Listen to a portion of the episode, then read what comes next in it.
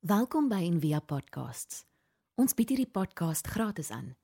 Om 'n bydrae te maak, besoek gerus ons webblad en via.org.za vir meer inligting.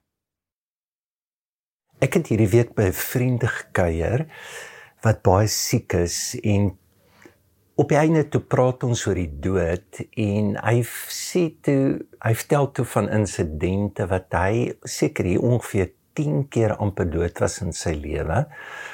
En dan hoe groot die genade is um, in ons lewe. Nou toe ek praat, dink ek aan kon ek was baie jonk ek voel eintlik bietjie skaam om dit te vertel. Um, ons het voor die Blesbokspruit gebly in Heidelberg en die rivier was in vloed. En dan het ons altyd met ons probeer met tubes of met vlotte of goed nou op die rivier ry en dit ek idee gehad ons moet ons kombuistafel vat. Was 'n ou eike hout tafel en sy pote kon in en uitskroef. Toe die pote uitskroef, paar manne het gedra, maar uh, eikehout is nou nie polistireen nie, so dit het meer in 'n duikboot ontaard. Maar ek onthou die stroom het gevat het en ek het beland aan 'n populierbos wat ek letterlik vir lewe en dood vasgehou het en uh, en ek onthou die angs en die goed wat deur jou kop gaan dat jy voel jy het nie meer krag nie, kan nie meer hou nie. Jy kan nêrens heen swem nie en die vloed verskriklik sterk. En dan die enorme verligting om uit te kom en gehelp te word en gered te word. So vandag praat ons oor hierdie woord redding. Hoe voel jy om gered te word? En as die Bybel sê God red ons, wat beteken dit? So Jesus word genoem die redder en die saligmaker. En ons nou vandag geluister na die loflied wat Maria sing toe sy die tyding kry dat sy 'n seun gaan baar en sy begin te sing die bekende Magnificat en dan sê sy ek loof die Here my saligmaker. So dit word vertaal redder, dit word vertaal savior. Wat beteken wat sal Maria verstaan om regtig gered te word? En ek dink hier is die Kersverhaal ongelooflik want dit bring vir ons 'n blik en dit wil ons herinner aan 'n verskriklike belangrike ding wat met jou en met my moet gebeur. En dit is om salig te word of om gered te word of om Jesus te ervaar as die redder. Nou ongelukkig het ons 'n verskriklike eng of laat ek noem eensydige verstaan wat my eintlik 'n baie nuwe ontwikkeling was hier van die 17de eeu met die groot ehm um, erlewingsdienste wat begin is en dis die evangeliese beweging wat te verstaan het van redding en saligheid of saligmaker wat beteken dis amper 'n transaksie en jy moet net jou sonde bely jou hart vir die Here gee en dan gaan jy hemel toe. So maklik soos dit En dan word die woord persoonlik ook ingesit, persoonlike saligmaker. En ek kan dit verstaan want ons lewe in 'n ongelooflike narcistiese samelewing dat ons moet eintlik Johannes 3 vers 16 vertaal moet want so lief het God my gehad nie die wêreld nie. Ons sien ons nie deel as van mekaar. Ons kan nie meer dit dit is oor die mag van en dis hoekom godsdiens ook heeltemal geprivatiseer het wat op sigself dan hom diskwalifiseer vir enige redding in die Bybel. En uh, julle sal nou al die ook die ervaring uh, ook hê baie keer in evangeliese kringe mense wat hierdie narratief het, kry jy baie keer soms 'n irriterende entoesiasme of hierdie slogans van sportsterre of selfs 'n militante impuls wat kernonsond is en ek kan verstaan dat mense soos Johnny Cash, julle onthou met die woordfees het ons personal Jesus gedoen. Hierdie ding van dit is myne, dit is persoonlik. Hy is eintlik daar om my te help en hy's daar om my gemaklik te maak en my is net kommentaar want ek dink hulle voel hierdie daar's 'n donker kant. En dan ehm um, Tom Waits se Chocolate Jesus wat ehm um, wat baie mense seker kwaad maak, maar wat eintlik praat van 'n tipe verslawing en hoe soetsappig die kerk word om 'n Jesus te probeer verkoop. En baie keer is alles in die naam van redding. So, kom ons begin net vinnig en dan dink ons net in Maria want dit gaan ons help hoe sou sy dit verstaan. In die eerste plek, Maria dink nie sy gaan die Messias baar en dan gaan sy hom ook later as sonnebely hom aanneem en dan gaan sy ook hemel toe.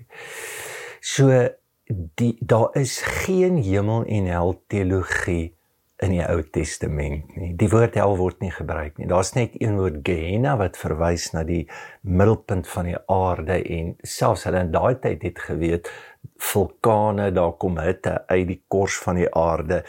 Dit is die enigste verstaan, maar hulle verstaan van hemel was soos wat Jesus geleer het, so sien die hemel so op die aarde. En as ek doodgaan, is ek by God. Dit is nie die teologie wat ons ehm um, gebou het amper van 'n transaksionele redding.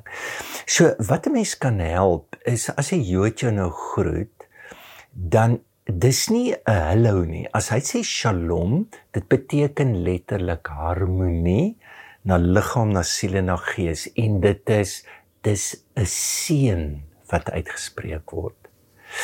So Maria ontvang die seën die goedkeuring wat God nou oor haar gee wat engel wat 'n engel bring wat sy ervare na en sy gaan so ver om te sê en mense gaan my salig noem so sy word ook 'n saligmaker En as 'n Jood sê die kop, die hart, die liggaam, Shalom, mag daar harmonie kom tussen dit. Dit is dis vir die woord betekenis hulle jou groet. Die Kersboodskap is God se groet met die aarde. Dit is en hy wil hê dat ons kop, ons verstaan, ons siel, ons ons hele lewe bymekaar kom, ons gees, ons liggaam in ons ervaring met God. En hoe doen God dit? Hy begin met die liggaam. Die woord het vlees geword. So dis hoekom die inkarnasie so ongelooflik is. Dit is amper so seisoene. Jy jy kan nie sê hoorie dit is nou lente maar ja ek gaan nie nou na somer toe nie. Ek gaan weer bietjie na herfst. Dit werk nie so. Daar's 'n logiese begin die logiese begin van ons godsdiens en van redding begin by ons liggame en nie op 'n ander plek nie. So Romeine 12 sal sê stel jou liggaam as 'n lewende, heilige en aan God welgevallige offer. Dit is julle wesentlike. Hy sê dis waar dit begin. Dink aan. So hoe hoe doen ons dit? Dit dis die begin van redding. Nou kom ons dink net aan hier kom Jesus. Ek bedoel ons nou verlede Sondag daar gepraat. Is dit hoe God nou aarde toe kom? Is nie lekker nie. Weerloos. Kon, kon niemand weet eers daar is in 'n vlees en enige konnotasie rondom die vlees maak ons al klaar ongemaklik. So met 'n baba daar is die sy liggaam is initieel naak. Daar's nie rimpeltjies, daar's nie plooie nie. En hy's totaal onskuldig en dis hoekom ons so graag 'n baba wil vat. Want dit is so veilig. En dink dan nou maar wat word ons reis? Daar's 'n ongelooflike kompleksiteit met hierdie stuk vlees. Want hy het aanraking nodig. Hy moet versorg word. Hy het hy hy kan verstaan, hy kry boodskappe. En selfs in die baarmoeder ervaar ons dit en is daar 'n ervaring en baie keer littekens en dan is my hele reis met hierdie vlees is littekens daai wat die kind gesê het op die speelgrond, dit wat 'n onderwyseres van jou gesê het. Dit wat in my huwelik gebeur het, dit wat in 'n verhouding gebeur het, dit wat 'n pa vir my gesê het, ons dra die littekens, die houe aan mekaar. dan hierdie ongelooflike ding en wat is dit dat ons dra dit onder ons vel.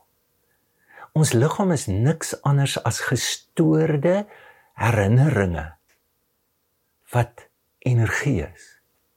Maar onder hierdie vel staan ook iets ongeloofsliks. Wat het jy al gesien hoe jou bitterheid baie keer sagter word? Daar's iets in hierdie liggaam, daar's 'n liefde, daar's 'n werking wat dit sagter maak. Het jy al gesien hoe 'n angstigheid ook net kan versag in 'n rusplekkie vind? En hoe kompleks, hoe kompleks. Wat het 'n jaloerse liggaam nodig? Wat doen ek met 'n oorspelige vlees? Wat doen ek met 'n rustelose vlees? Wat wat doen ek met 'n gestresste vlees? Wat dit dis die boodskap is dat God ontmoet ons in dit. Presies in dit. Nie ten spyte van dit nie. Teresa van Avila sê hierdie gebed gehad wat dalk vreemd klink net 'n metafoor. En sy gebid dan sê sy o God soen my op my mond.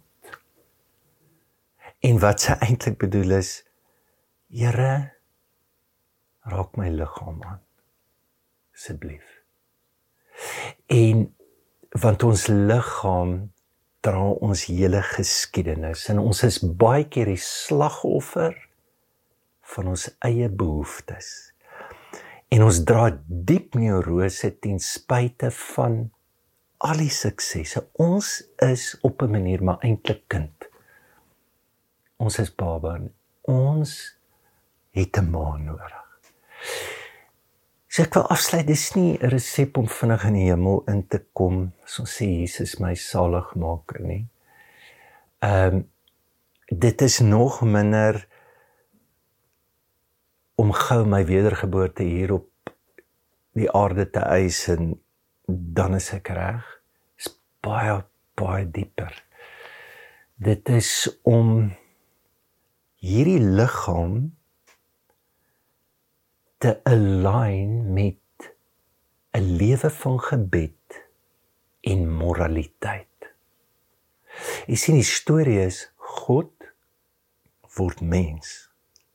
Dis ook ons ons geskaapenheid dit wat ons in God gemaak is moet uitgedruk word in ons mensheid. En ons het hierdie mooi woorde wat ons baie keer sê jy's onmenslik. Dis presies dit ons het dit omgedraai. Ons sê nee o jy's sleg. Jy's 'n sondaar en jy moet heilig word. Jy moet soos God word. Dis nie die reis nie. Dis omgedraai. En dit is hoe lewe my liggaam die liefde van hoe druk my hande, my voete, my ore, my oë die liefde van Jesus uit. Toe hulle Fritz Pil vra, so is jy gered? Toe sê hy hy sê from are you saved? Hy sê I'm trying out to figure out how to spend it. Christine Dis nie 'n dag en 'n datum. Teresa van Avila sou vir jou sê as jy regtig salig word, as jy soos God word en Jesus sê ons in die saligsprekinge, salig is jy. Die woordjie salig in die amplified word vertaal met to be happy, to be envied. Jy gaan net beny word. Jou liggaam. So as God daar dit is 'n tempel en die teenwoordigheid van God behoort gesien te word in hierdie tempel. En sy antwoords maar net ek trou met uit te figure. Hoe spandeer ek my redding? So ons redding of saligmaking word sigbaar in die manier hoe ons anders help dis dit lees hierdie lofsang verder die lofsang besing hoe God na die armes na die verdruk is nou die die die lofsang die saligmaking is 'n saligmaking van hierdie wêreld om ons. So ons moet nooit besorgd te wees en is die verkeerde vraag om te vra is jy gered en is Jesus jou persoonlike saligmaker. En hoekom ek dit sê is van dis nie onderhandelbaar nie. Want Jesus is dit. Hy moet dit vir jou wees. Dit dis nie die gesprek nie. Dis die wese van elke evangelie. En ons word 'n Christen omdat ek 'n diep diep verhouding ontwikkel het met God en nie omdat ek iets gedoen het wat 'n verhouding met God voor veronderstel. En ek dink dis baie keer waar ons dit mis. Kom ons sê dit vandag, die grootste Kersgeskenk, hierdie hierdie liggaam en onthou beklei Paulus met hom. Dit wat ek nie wil doen nie, dit hierdie liggaam kan ons ook wegtrek van wie ons werklik is in God. Mag jy ervaar hoe jy deur jou toewyding deur jou lewe van gebed, deur die oorgee van my lewe. Is interessant dat Advent in hierdie tradisies het mense gevas. Dit dit was nie presies die teenoorstelde ons ooreet ons in Kersfees. Ons vergryp ons aan aan aan so en en is alles liggaamlike goed. Was presies die teenoorstelde. Hoe word my liggaam ook afhanklik en broos en word oorgegee aan God dat God se gees hom kan volmaak. Kom ons bid saam. Here baie dankie vir 'n liggaam en Here kom o Bethlehem ster en laat hom skyn deur hierdie liggaam. Amen. Baie dankie vir die saamwees vir oggend en baie dankie ook vir julle ondersteuning aan Envia. So as jy nou sou voel betaal deur SnapScan of loersom op die web, al die inligting is daar en dan mag hierdie vakansie 'n ongelooflike vakansie wees. En mag jy ook voel hoe jou liggaam jou trek na God toe.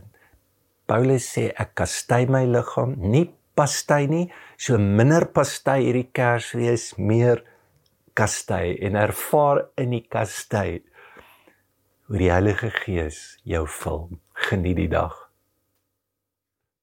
Ons hoop van harte jy het hierdie podcast geniet of raadsaam gevind. Besoek gerus en via.ok.za vir meer inligting.